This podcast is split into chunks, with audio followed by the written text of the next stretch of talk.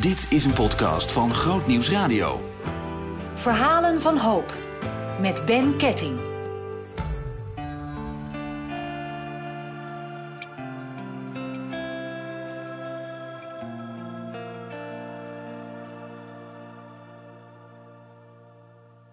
Esther woont in Dordrecht en is 13 jaar getrouwd met Oereg.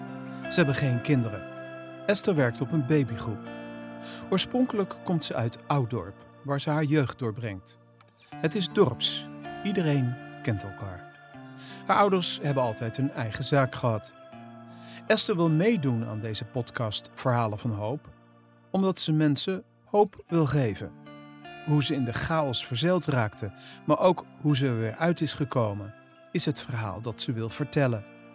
Ze hoopt dat het anderen die haar situatie herkennen helpt. Haar verhaal begint dus in Ouddorp, Flaké, nog net geen Zeeland. Ik was altijd wel een, eh, op zich een blij kind en eh, gewoon ook een beetje een stoer meisje. En eh, ik kon ook wel hele verhalen vertellen. Eh, lekker in het, bos, in het bos spelen of eh, op het strand. Ja, ik had ook wel gewoon... Ik kom uit een gezin met vijf kinderen. Ik was dan de jongste samen met mijn tweelingzus. En eh, ja, we hadden wel gewoon een fijn gezin. Ik denk, overal speelden wel dingen, maar niet eh, dat je denkt van... eh hele heftig of zo. Mijn ouders hadden het wel altijd erg druk. Dus ja, dat, wat dat betreft vond ik dat soms wel eens lastig om dingen... eh, ja, dingen waar je mee zat om het te delen, zeg maar, ook wel over... maar zo achteraf pas, zeg maar, dat je dingen ziet van... Hé, dat dat, eh, ja, wat je bijvoorbeeld mist of zo. In een, in een gezin. Maar ik, ja, gewoon dingen die, waar je het over hebben, zeg maar, waar je tegenaan loopt... waar je dan toch niet over gaat praten of zo. En ik denk dat het ook wel een beetje te maken heeft met misschien cultuur of gezin... of dat ouders zelf ook niet zo gewend zijn om te praten, zeg maar. Dus dan ga je toch... eh, wat ik op een gegeven moment ging doen, dat je, dat je gaat vluchten en dingen, zeg maar. Eh, Zeeland, denk je ook aan religieus gebied wel. Eh, was dat bij jullie ook zo thuis? Ik kom wel in een gezin waarin we vroeger naar de kerk gingen, naar de gereformeerde kerk. Geen, ja, gewoon een kerk, ja, dat is eigenlijk waar je, geen, waar je gewoon een broek aan mag, zeg maar. Geen strenge, strenge kerk, zeg maar, zoals ik het streng zie, zeg maar. Maar eh, dat is eigenlijk na een poosje gingen we niet meer, omdat mijn ouders toch een beetje tegen dingen aanliepen en ook wel gewoon druk hadden met de zaak. Hoe vond je dat eigenlijk om daar eh, te zitten? Ja, ik, eh, ik had niet zo heel veel mee, zeg maar. Ik had op een gegeven moment wel een soort kinderclub. Dat vond ik op zich wel leuk, een beetje knutselen. Maar niet, voor de rest niet dat ik echt dacht van... eh, meer het hoort erbij, je zit in de kerk en eh, ja, dat... Je krijgt een snoepje af en toe. Ja. Hoe ging jij om met je broertjes en zusjes? Want eh, had je, vertel even hoe dat eruit zag. Ja, ik ben zelf de jongste samen met mijn tweelingzus, de jongste van een gezin van vijf. Ehm even kijken hoor, de, de broer na mij, die is, die is vijf jaar ouder. Dus er zat best wel wat leeftijd tussen, zeg maar. Maar de omgang was gewoon goed met elkaar eigenlijk. eh, ja, ontspannen en eh, gezellig. Ja.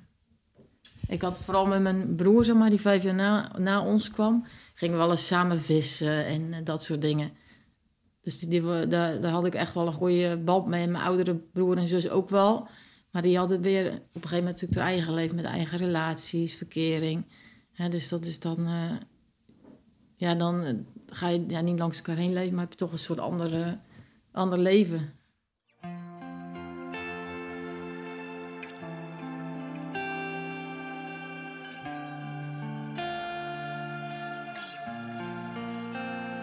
Ik was ook, ben altijd wel een meisje geweest dat veel diep over dingen nadacht, zeg maar. En eh, als, als tienermeisje ging ik ook wel eh, ja, vaak ik op televisie naar, dat had je toen nog TMF, MTV, van die muziekprogramma's. En eh, ja, daar keek ik ook vaak, gaf, dat, zag ik ook wel een beetje als een voorbeeld hoe, hoe meiden eruit zagen. En dat, zo'n gevoel had ik van, hé, hey, dan, zo moet ik er ook uitzien, zeg maar. Maar ook wel, ik kwam ook in aanraking, zeg maar, met eh, seksboekjes, Playboy, dat heette dat blad dan. En dat, dat deed me wel wat, zeg maar. Ook omdat ik, eh, ja... Vrouwen worden daar natuurlijk wel afgebeeld als soort perfect. En, maar ook wel gewoon eh, boekjes, zeg maar pornoboekjes. Dat je denkt van... eh, dat je dingen ziet dat je... Ja, daar schrik je gewoon eigenlijk van. Maar aan de andere kant prikkelt het ook weer. Dat je, ja, je denkt van, hé, hey, dat doet wel iets met je natuurlijk, waar je weer opgewonden van raakt. En, maar dat verwart ook weer. Dus je, je schaam je eigen ook weer. Hoe oud was je toen? Ehm, ja, ik ben best wel veel van die tijd vergeten, maar ik denk een jaar of twaalf of zo. Mhm. Ieder kind heeft een soort van eh, moment dat hij daarmee bezig is. Is dat voor jou, laten we zeggen, uit de hand gelopen? Of misschien dat ik beter kan vragen, hoe kwam het dat je daar uiteindelijk zo gefixeerd op werd? Ja, ik ging het ook wel meer opzoeken. En ik ging ook momenten zoeken dat ik erin kon kijken, zeg maar. En ja, dan gaat je dan, uh, dat gaat je wel beïnvloeden. Dus ik kreeg ook wel uh, ja, gewoon een beeld van hoe ik als, als meisje eruit moest zien.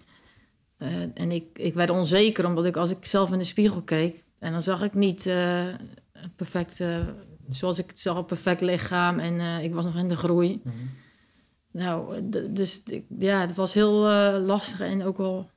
Ik, ik kreeg ook wel een zelfhaat, zeg maar, van... oh, als ik in de spiegel keek van... Hey, ik zei ik ook echt wel, je bent lelijk. En, en dat reageerde ik ook af aan mijn zus.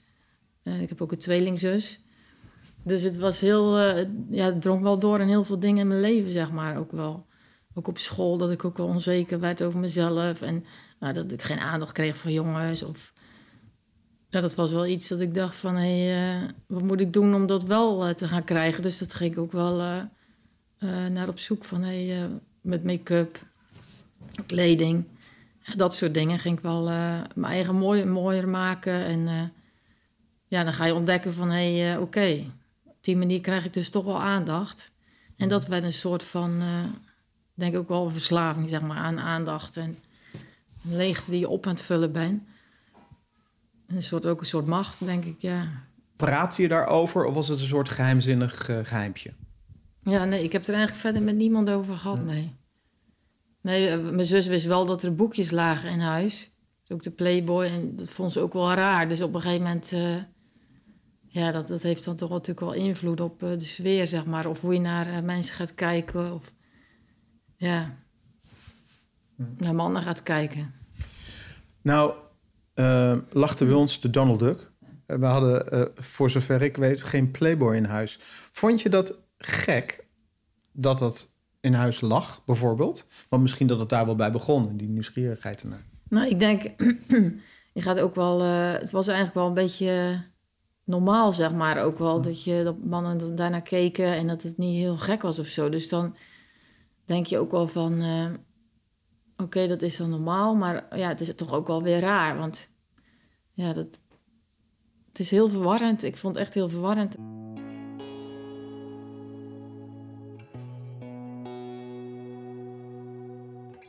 Of je het nu erotische lectuur of porno noemt, het zelfbeeld van Esther wordt rond haar tiende bepaald door afbeeldingen die ze ziet en de glitter en glamour van TMF. Sinds 1995 een Nederlandstalige televisiezender die videoclips van popmuziek uitzond. De basis van een verwrongen en laag zelfbeeld wordt dan al bij Esther gelegd. Ja, voedingsbodem van uh, een leegte, leegte opvullen zeg maar, met aandacht vragen, zeg maar, ook zoeken van mannen. Dus dat ging ik ook wel doen, ook op een gegeven moment dat ik uitging. En dat ik dan uh, ja, om de alcohol ontdekte, zeg maar. En dat dat ook, ik was eigenlijk wel ook wel een type, naarmate mijn tienertijd, zeg maar, na, ja, in de mijn tienertijd dat ik ook meer last kreeg van angsten. En uh, ik was ook altijd wel een heel gevoelig meisje, zeg maar, die heel diep over dingen nadacht. En daar kon ik echt wel in uh, een beetje verzinken, zeg maar. En met alcohol ontdekte ik ineens van... hé, hey, ik uh, ben minder angstig. Ik zie minder tegen dingen op. Dus dat werd op een gegeven moment ook wel een soort uh, hulpmiddel. Ja, om met dingen om te gaan. Om bijvoorbeeld naar een discotheek te gaan. Of naar een andere plek, zeg maar. Dus ja, dat, dan ga je het steeds meer verleggen. Want het werd van één drankje naar twee en steeds meer, zeg maar. Ja, het was eigenlijk wel een laag zelfbeeld wat ik had, ja. Ik denk, het was ook wel gewoon heel belangrijk in ons gezin en misschien ook wel in het dorp, wat andere mensen van je dachten. En er werd ook gewoon veel over andere mensen gepraat en toch ook wel vergeleken met uh, die doet het zo of die. Ja, ik denk dat dat toch wel iets met je doet. Naast de beelden die je ziet hè, op, in blaadjes en op, op televisie, zeg maar. Ja, dan... eh, dat was wel eh, iets wat, wat ik... eh, ja, zeg maar, wat me een laag zelfbeeld gaf. Ja. Wat leverde deze levensstijl je op? Ja, op het moment zelf vervulde het even, maar dat was eigenlijk meer eventjes. En dan, eh, ja, daarna wilde ik meer. Dus dan zocht ik het weer op. Dus zeg maar weer die boekjes, weer opnieuw die, nog, nog een, een biertje of nog een, op een gegeven moment sterke drank. Om maar die leegte op te vullen. Dus het was niet, het was maar eventjes eigenlijk. En dan had ik weer meer nodig. Dus dat werd eigenlijk steeds meer. En elk weekend tot door de weeks. Dan kom je iemand tegen. Ja, dat was ook zo. Dat was ook wat. Op een gegeven moment, ik had eh, op school had ik een jongen, dat was een beetje zo'n popiopie figuur. Ook wel stoer, maar ook wel een foute jongen. Waar ik toch wel ook wel een soort aantrekkingskracht voor had. Omdat hij verkeerd fout was. Maar die zat dus tegenover me in de discotheek. Aan de bar. en die zag me ineens zitten en hij vond me leuk. En ik wist niet wat ik meemaakte. Dus ik dacht van, hé, hey, eh, oké. Nou, daar ga ik op in. Dus daar kreeg ik dus een relatie mee. Maar dat was dus ook een jongen die aan de drugs was. En zo ben ik eigenlijk ook aan de drugs, eh, ja, met de drugs begonnen, zeg maar. En dat was eh, ja, speed, later cocaïne. Dus dan, ja, dan, ja, die combinatie is natuurlijk helemaal niet goed. En ondertussen had ik ook nog wel eh, een medicatie tegen angst, zeg maar. Dus eh, dat is met, in combinatie met alcohol natuurlijk ook helemaal eh, fout. Hoe liep dat dan? Ja, ik had op school ook wel, was ik erg onzeker en verlegen en in een groep, zeg maar.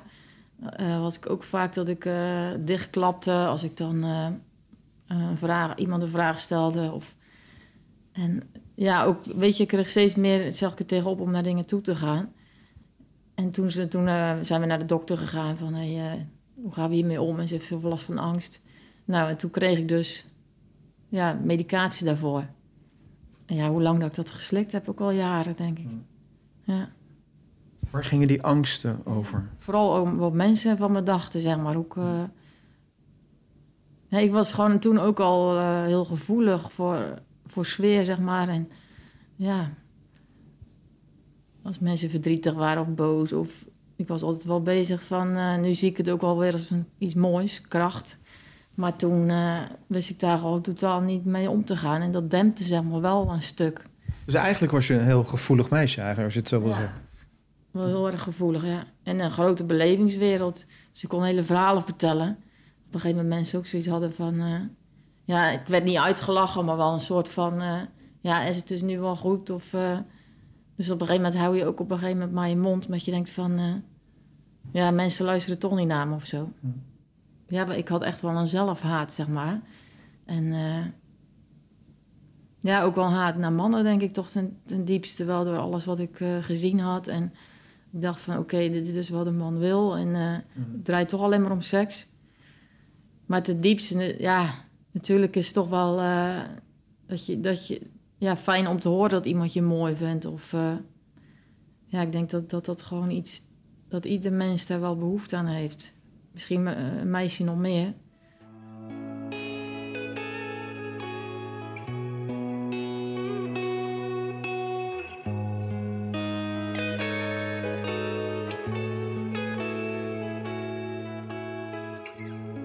Je was zeker niet dom.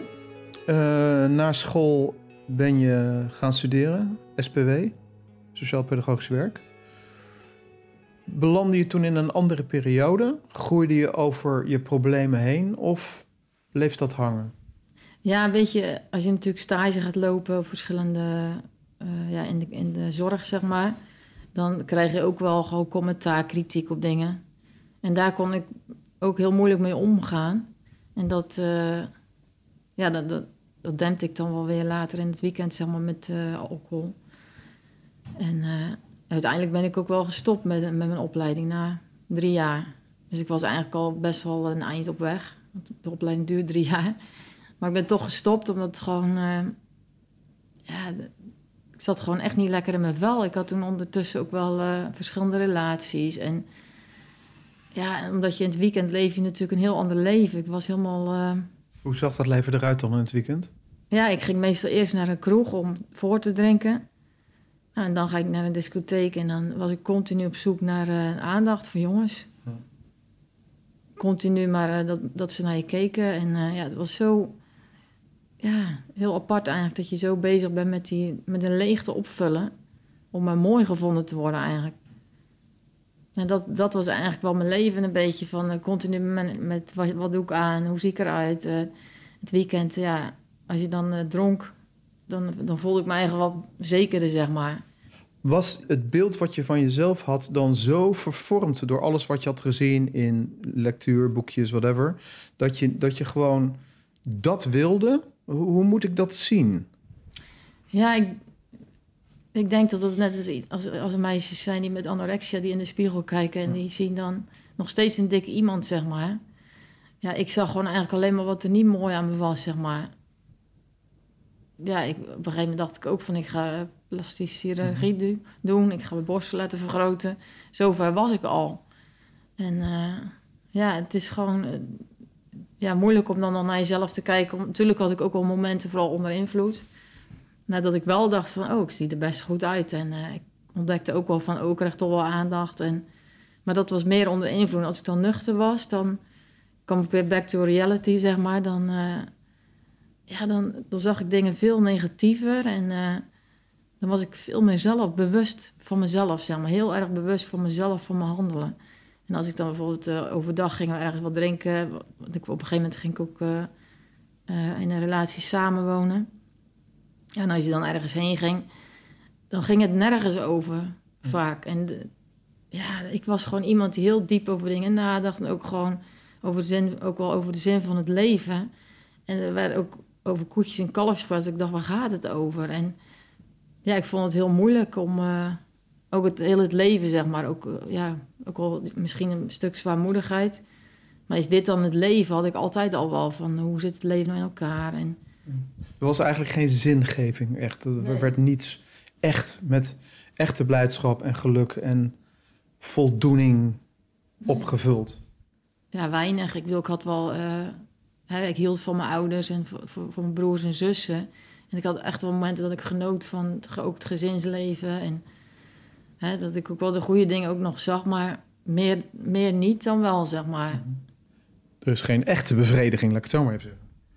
Nee, precies. Het is eh, ja, maar voor even, zeg maar. Ja. Als je nou terugkijkt op die periode, wat was dan in die tijd jouw grootste conflict? Was dat eh, drugs? Was het eh, alcohol? Was het seks? Was het relaties? Wat was het? ja, ik denk dat ik, dat ik mezelf eh, kwijtraakte, zeg maar. Mezelf ook niet meer... Dat ik zo verward werd door alles.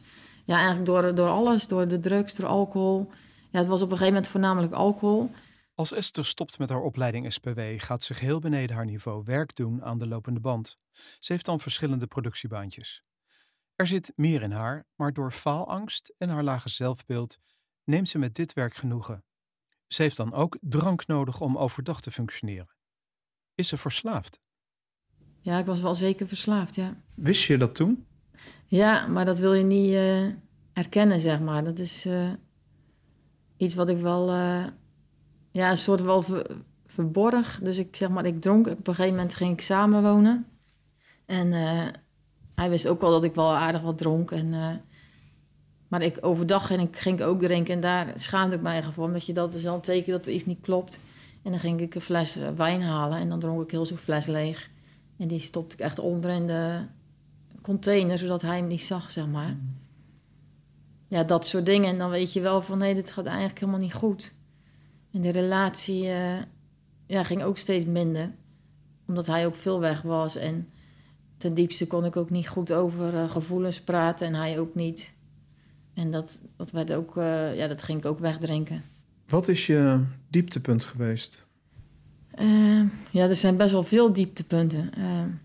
Ja, in die relatie ging ik ook wel, zeg maar, op een gegeven moment ook wel met andere, met andere mannen, zeg maar, vreemd. En dat, dat vond ik ook het dieptepunt. is ook iets waar ik ook voor schaamde. En nog steeds natuurlijk, dat is ook iets wat je gewoon niet wil. En later ben ik ook wel eh, weer naar mijn ouders thuis gegaan, zeg maar. Ben in mijn ouders eh, huis gaan wonen, omdat die relatie stuk liep.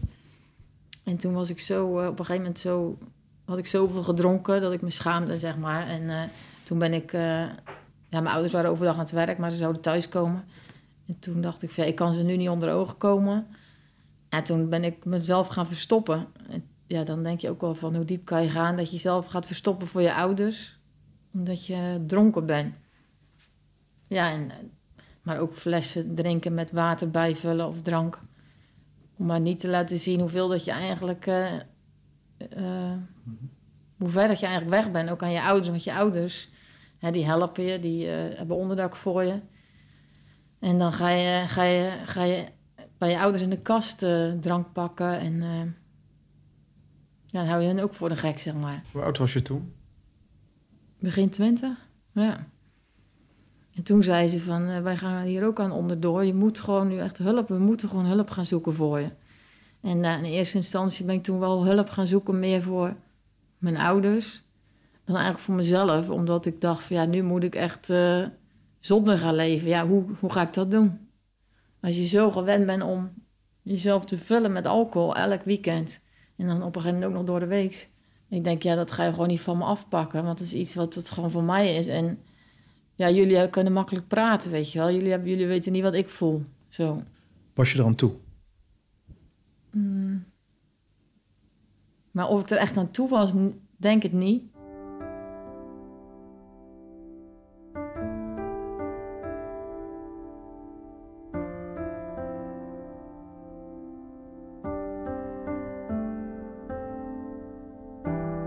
Esther wordt opgenomen in een kliniek in Capelle aan de IJssel, een gesloten afdeling. Maar als ze op verlof naar huis mag, valt ze regelmatig terug. Ook de aandacht van mannen blijft een zoektocht. Ze voelt zich alleen en doelloos. Alcohol is haar enige vriend, want ook haar relaties lopen op niets uit. Ze is ten eindraad. Ja, en dat is iets wat me zo op een gegeven moment echt wel eh, neigde tot eh, een eind eraan maken. Dat ik ook wel dreigde van, hé, ik wil stoppen. En ik, eh, ik- ja, dus dat, dat ze me ook eh, ja, naar een inrichting brachten waar, ja, waar alles nog meer afgesloten is. En ja, dus dat, daar ben ik ook wel helemaal doorgedraaid. Dus dat ik...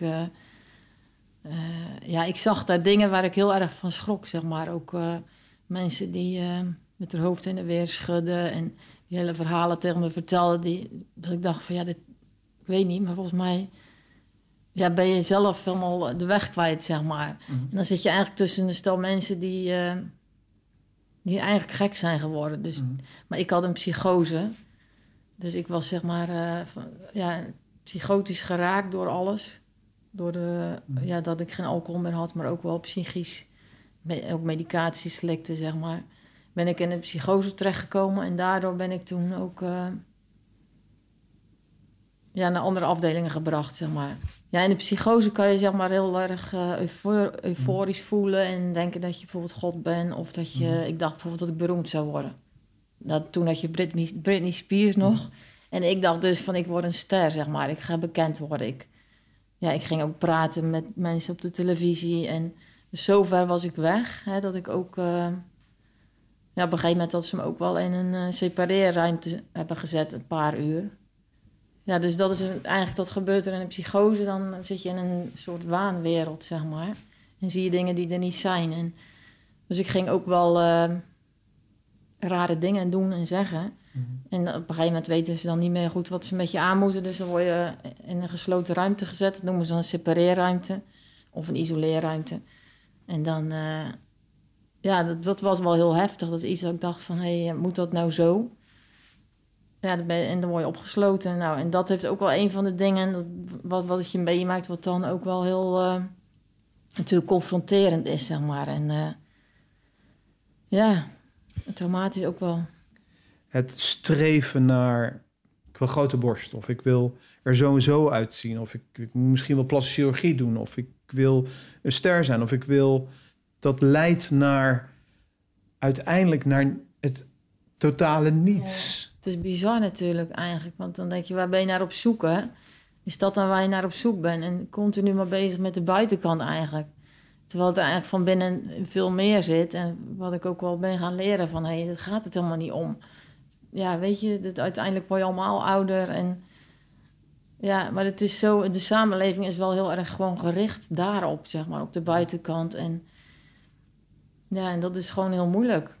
Uh, ja, daar loop ik denk ik wel nog steeds wel eens tegenaan. Hè? Daar waar ik mezelf ook wel voor bescherm, zeg maar. Mm. Van hé, waar kijk ik naar? Waar vul ik mij eigen mee?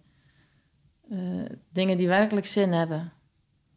Want ik denk hoe, hoe, vaak dat je eigenlijk vult met dingen, hoe meer dat je dat wil hebben, zeg maar. Mhm. Dus ik vulde me eigenlijk continu met die beelden.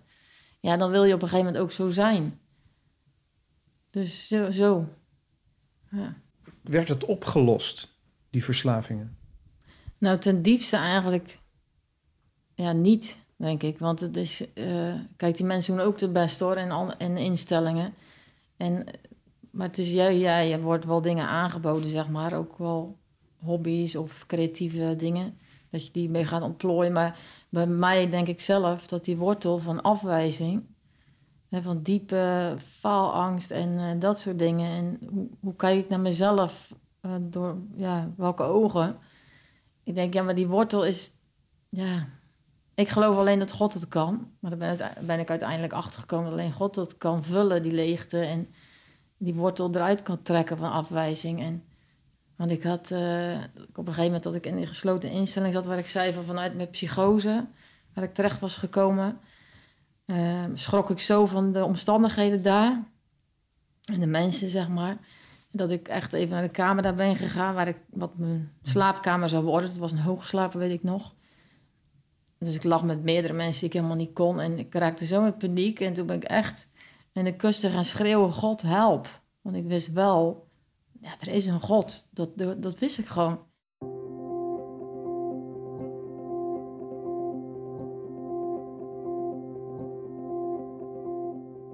Esther boekt weinig tot geen vooruitgang. Zoals ze zelf zegt, wordt de leegte in haar ziel niet opgevuld. Maar er komt toch verandering. En dat begint bij haar vader in de zaak. En toen kwam er op een gegeven moment kwam er ook uh, wel vaker al bij mijn ouders een dominee in de zaak. En die zei van, Hey, er, uh, er, zijn mensen die gaan ook wel naar de hoop in Dordrecht. En dat schijnt een hele goede instelling te zijn, waar ook echt wel heel veel mensen beter worden. Die dan uh, van de verslaving afkomen. Is dat misschien een idee voor Esther? En uh, ja, achteraf zie je dan van hoe God het geleid heeft. Van, hè, dat, je, dat je zo ben in een korte periode dat ik naar de hoop kon. En dat daar gingen dingen wel gewoon anders. En zag ik ook wel anders ja, mensen echt veranderen, zeg maar. Je bent bij Crosspoint terechtgekomen. Wat is dat en, en wat, wat gebeurde daar bij De Hoop? Ja, Crosspoint is zeg maar een motivatiecentrum voor mensen die ook van de straat komen. En uh, ja, om te kijken of je gemotiveerd bent om aan je verslaving te werken, zeg maar. Of dat je echt verslavingsvrij wil gaan leven. En daar kwam ik terecht. Tussen allemaal mensen die ook van de straat kwamen. En, uh... hoe, hoe, hoe, hoe voel je je daar? Ja, ik moet zeggen dat ik natuurlijk eerder ook op ben genomen geweest in andere instellingen. Dat ik ook wel mensen van de straat. Dus ik, dat was ook wel heel mooi, mooi om te zien dat dat ook gewoon mensen zijn. Want ik had ook wel een bepaald vooroordeel over mensen. Weet je wel, die, iemand met een lange baard, met een fles wijn op straat en verward. Maar dan zie je ook wel dat er gewoon ja, mensen tussen zitten die ook ja, daar anders eruit zien zeg maar. Maar ook mensen die minder tanden hebben, of, maar die, mhm. waarvan binnen zoveel mooie dingen zitten. En, en, dat, die ook allemaal, dat je allemaal in hetzelfde schatje zit. En dat er echt diepgang was. Dat ik dacht van oké, weet je wel, dus er is ook wel... En, ja. Als Esther dan in de spiegel kijkt, wat, wat, wat zag ze dan met alle opnames en toestanden die ze al had beleefd? En ouders die verdrietig zijn en mensen die teleurgesteld zijn, dan lukt het nog niet. En wat is er nou toch met S? Nee, nog steeds wel heel uh, negatief over mezelf. En ook wel, ik werd ook, was ook wel dik geworden van de medicatie en de alcohol. Dus ik was ook best wel veel aangekomen. Uh, maar ik had ook wel, kreeg ik ook wel gewoon mooie bemoedigingen van bijvoorbeeld een, iemand die daar werkte. Die zei van, nou, je hebt eigenlijk heel, uh, mensen zijn graag bij jou en eh, je bent fijn in de omgang. Dat ik ook wel ontdekte van, hé, hey, maar ik heb ook wel dingen in mij wat mensen dus aantrekt op een andere manier, zeg maar. Dus er zit eigenlijk best wel mooie dingen in me. En dat ga je ook leren, zeg maar, in zo'n hulpverlening, ook in zo'n motivatiecentrum, zeg maar. Dan ga je een schrift schrijven en dan ga je ook, wat ook wel heel confronterend is, zeg maar. Want dan ga je opschrijven wat je gedachten zijn. En wat je op zo'n dag meemaakt. Ja, dus dan ga je ook eh, een daginvulling krijg je dan. Dus dan moet je ook eh, ja, een ritme ga je volgen op de dag. Dus je gaat ook eh, programma's volgen, therapie. En je gaat ook bijvoorbeeld naar een boer toe. En je leert gewoon weer om een normaal leven te gaan leiden. En te ontdekken wat zit er in me, zeg maar. En met, met andere mensen omgaan. Maar omdat ik eigenlijk ook lui was geworden en ook gewoon, ja, ik had ook weinig, weinig ritme meer in mijn leven, was het ook wel heel, ja, dat gaat gewoon tegen alles in, zeg maar. Om dan wel weer, gewoon, je wordt opstandig en... Je moet er vroeg uit, je moet weer dingen doen. je kan niet op je, bed blijven liggen als je je niet goed voelt. Dus je moet van alles. En dat, uh, dat vond ik soms wel heel lastig, hè. Ook met al die gevoelens en emoties. En, Overal over praten? Ja, ja dat was ook wel... Was je niet gewend? Nee, nou moet ik zeggen dat ik ook op zich wel een, altijd wel een prater ben geweest. Maar ik was wel stil geworden, zeg maar. Mhm. Maar dat kwam langzaamaan, was het wel weer gaan groeien, zeg maar. Dat ik meer mijn hart ging openen. En omdat ik ook zag dat anderen dat deden. En ja, dat, dat heeft toch wel, eh, dat werkt wel mee, zeg maar. Wat raakte jou nou het meest uh, in Crosspoint? Ja, dat mensen ook wel, uh, ja, met mijn idee heel bewogen met je waren. En ook wel iets uitstraalde dat ik dacht van, hé, hey, ja, er is wel hoop. En uh, ik zag ook wel mensen die wel gingen veranderen, zeg maar. En dat had ik nog niet gezien in vorige opvang. Mhm. Nee. Hoe was die groep waar je in terecht kwam nou? Van, wat was de positieve werking van die groep op jou innerlijk? Ja, ik, je leerde natuurlijk ook, want er zijn ook wel meer mannen vaak dan vrouwen op een of andere manier in de opvang. En dan leer je ook wel op een andere manier kijken, zeg maar, naar mensen. Dus ja, dat er ook uh, veel meer achter zit, zeg maar, qua gedrag, waarom iemand zo doet. Of waarom iemand, natuurlijk mensen die heel stoer zijn en heel uh, opstandig. En, maar dan zie je later in gesprekken, dan zie je ineens de gevoelige kant. En dat ze ineens uh, met tranen in de ogen zitten. Ja, dat, je ziet dat proces ook bij anderen. En dat, heeft, dat brengt gewoon iets teweeg, zeg maar, hoe, je ook, hoe ik naar mannen ging kijken. Ook op een heel andere manier, zeg maar. Van, hey, er zit, ja, zijn ook mensen, mannen bij die het goed bedoelen en die niet, uh, waar het niet draait om uh, alleen om seks. Of, uh, want dat is helemaal niet zo. De Hoop GGZ heeft een christelijke signatuur. Hun credo is: geloven mag, afkicken moet. Esther, die in een warm bad terechtkomt, zit ook bij bijeenkomsten bij waar er liederen gezongen worden, uit bijvoorbeeld opwekking. Andere liedjes dan ze gewend was. Ja, het is, het is niet dat ik echt heel veel nog nog ermee had, zeg maar. Hm. Nee, ik ging wel mee naar de kerk wel eens. Dus uh, dat, was, dat maakte ook wel weer indruk op me.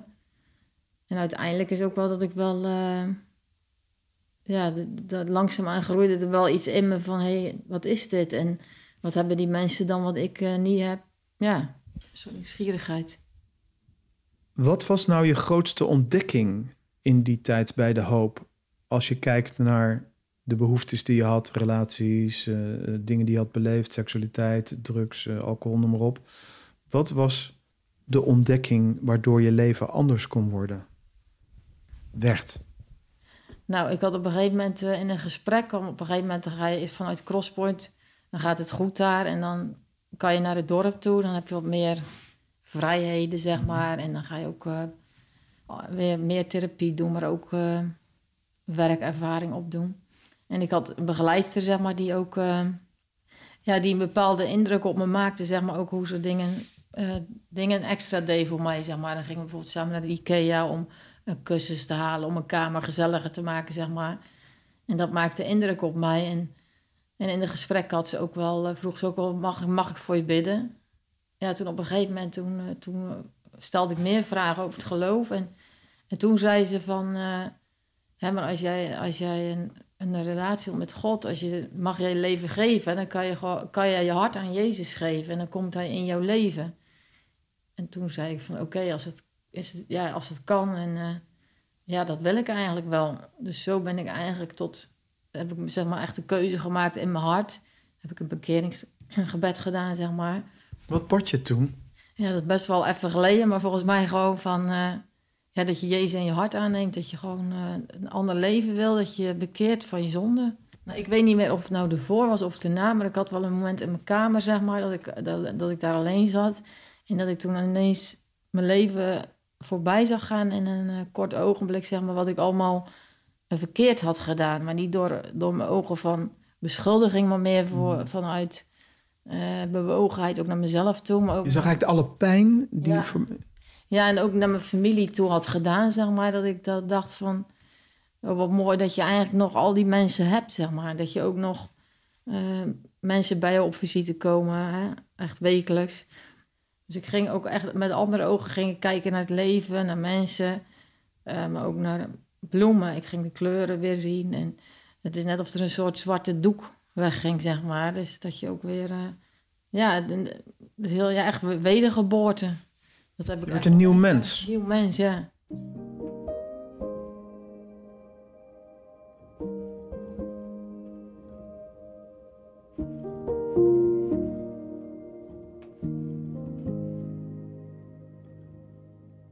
Voor iedereen die denkt dat psychische problematieken en verslaving met één gebed is gefixt. Nee. Eerlijkheid gebiedt te zeggen dat het soms een lange tijd duurt voordat opgelopen trauma is verwerkt. Maar dat is allemaal deel van het herstel dat bij de hoop werd ingezet. Er was veel voor nodig. Ook zelfreflectie van Esther's kant. Ik was eigenlijk een heel een egoïst geworden. En ik gaf iedereen om me heen de schuld. En wil je ook naar jezelf kijken. En op een gegeven moment ja, ging ik leren van... Hey, kijk eens echt naar jezelf. En wat kan jij doen om, met behulp van God... want zelf had ik het nooit gekund, om mensen te vergeven. Hè, om gewoon eh, ja, anders in het leven te gaan staan, zeg maar. En ik denk ook echt wel dat God door de Heilige Geest, zeg maar... me daar eh, oog voor liet hebben, zeg maar. Van, hey, dat is belangrijk dat je dat gaat doen. En ehm, ja, dat op de hoop wordt het ook wel geleerd van in je proces, zeg maar. Hè, dat je ook van, dat het bestaat, zeg maar. Ook dat je mensen mag vergeven. En, dus er wordt ook wel, eh, als je daarvoor open staat... Hè, wordt er ook wel, word je daarin begeleid van, hey, hoe gaat het dan? Ook qua geloofsbeleving, zeg maar. En dat is nog steeds dat ik dat leer, zeg maar. Omdat je nog steeds in je leven dingen meemaakt... waar soms mensen meerdere keren moet vergeven. Ja, dat klinkt heel raar misschien, maar... Ja, het is gewoon een eigen continu proces in mijn leven. Je laatste eh, periode bij de hoop, wat kan je daarover vertellen? Ehm, ja, op de hoop ga je op een gegeven moment ook ehm, ja, leren, zeg maar, in gesprekken, ook met eh, de groep, zeg maar. Dan ga je ook wel leren eh, van hoe, eh, hoe andere mensen in elkaar zitten, hoe je reageert op elkaar. Maar ook doe je werkervaring op, zeg maar. Dus ik heb op verschillende afdelingen heb ik werkervaring gedaan. Op de afdeling hout, ehm, schoonmaken. En op een gegeven moment ook in de kinderopvang. En toen ontdekte ik van, hé, hey, hey, dit is ook best wel leuk. En ik kan ook wel, dit kan ik ook wel. Ik, ik kan ook wel gewoon leuk met kinderen omgaan. En, en eh, ja, dat, dat gaf ook wel een stuk eh, eh, zekerheid, zeg maar. Dat ik zelfverzekerder werd en dat ik gewoon dingen ging oppakken weer. Ook mijn opleiding. En toen heb ik in anderhalf jaar mijn opleiding af kunnen maken. Wat ook wel gewoon natuurlijk heel vlug was. En een wonder, vind ik zelf. SPW. Ja, het was wel een overwinning toen ik ook mijn diploma heb gehaald en in de kinderopvang ben gaan werken. En dan leer je ook wel gewoon van, hey, ik kan veel meer dan dat ik dacht, zeg maar. En de kinderopvang is natuurlijk een heel sociaal vak. Waar ik zo enorm door gegroeid ben, ook wel na de hoop dat je ook werk gaat zoeken. Ja, dan heb ik continu ook God in betrokken, zeg maar. Ook hele mooie dingen meegemaakt, ook ja, gewoon met verschillende mensen om leren gaan. Ook hele moeilijke mensen. Dus dat is heel, gewoon een heel, heel mooi proces geweest, ook wel heel moeilijk. Maar ja, ik kan alleen maar zeggen dat ik daar eh, ja, heel dankbaar voor ben eigenlijk.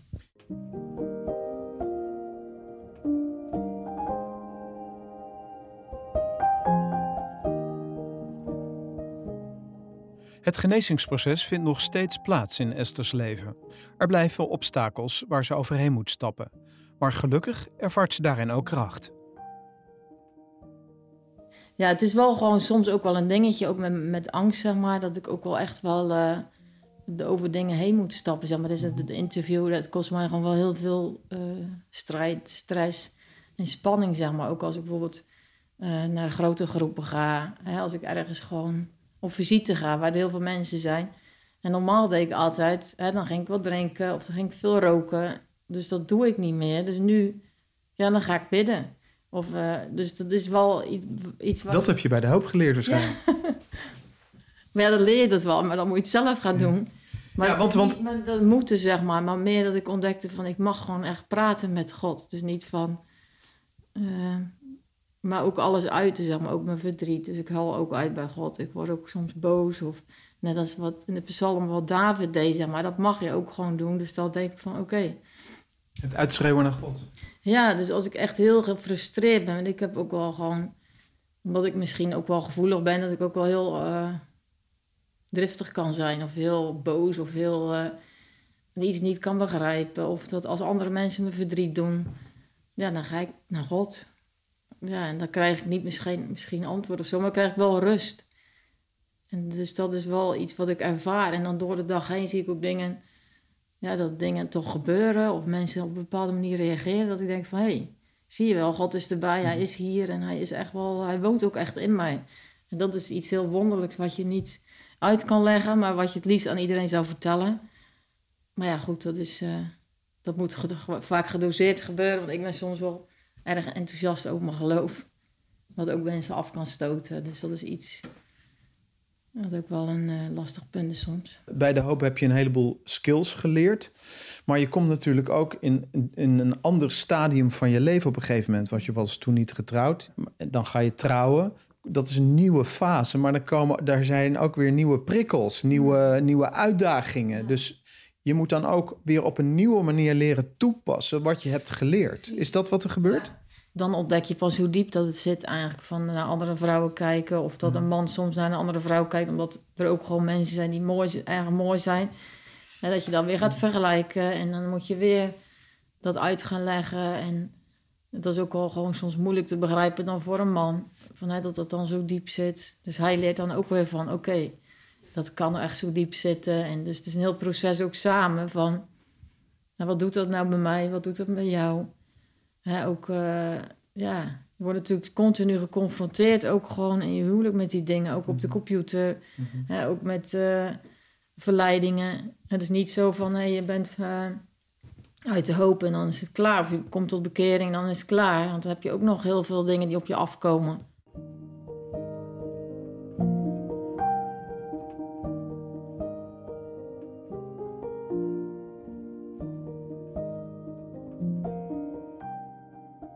Toekomst.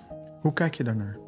Ja, ik heb nu wel meer gewoon hoop voor de toekomst. En dat ik wel weet van, hé, hey, eh, ja, de- er is hoop, weet je wel. En er is altijd wel weer iets wat, eh, wat ik misschien niet verwacht of waar ik geen hoop meer voor heb.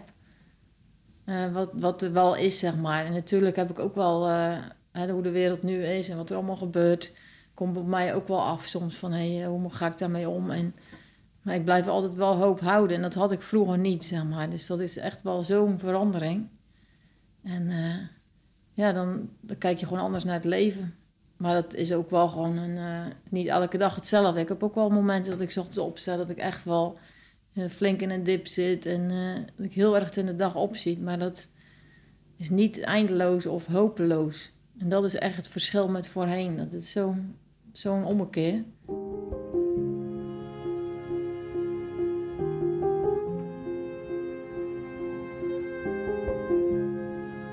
Esther's verhaal geeft aan dat er herstel mogelijk is. Dat er met goede hulp heling en genezing kan plaatsvinden en dat geloof daar een belangrijke rol in kan spelen. Esther's reis is er een die niet makkelijk is geweest en die soms nog steeds aandacht nodig heeft.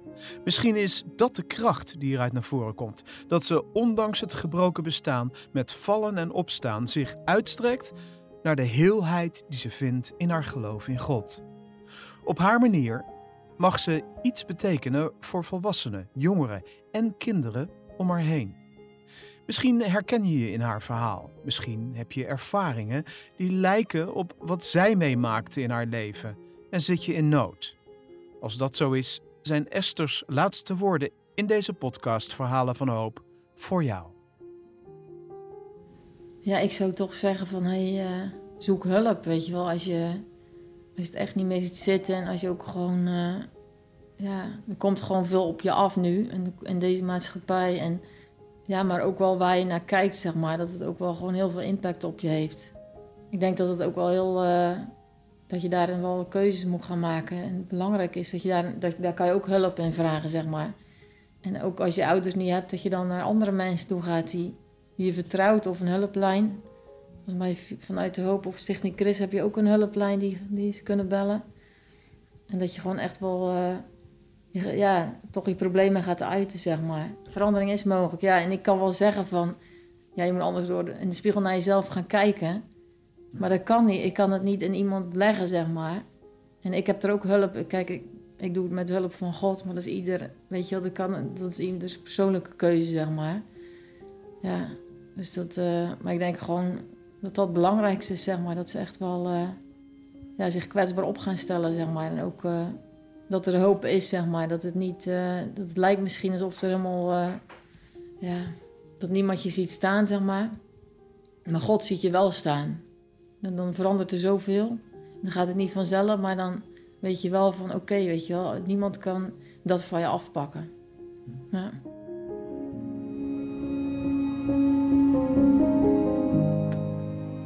Zien in nog een podcast? Ga naar grootnieuwsradio.nl slash podcast.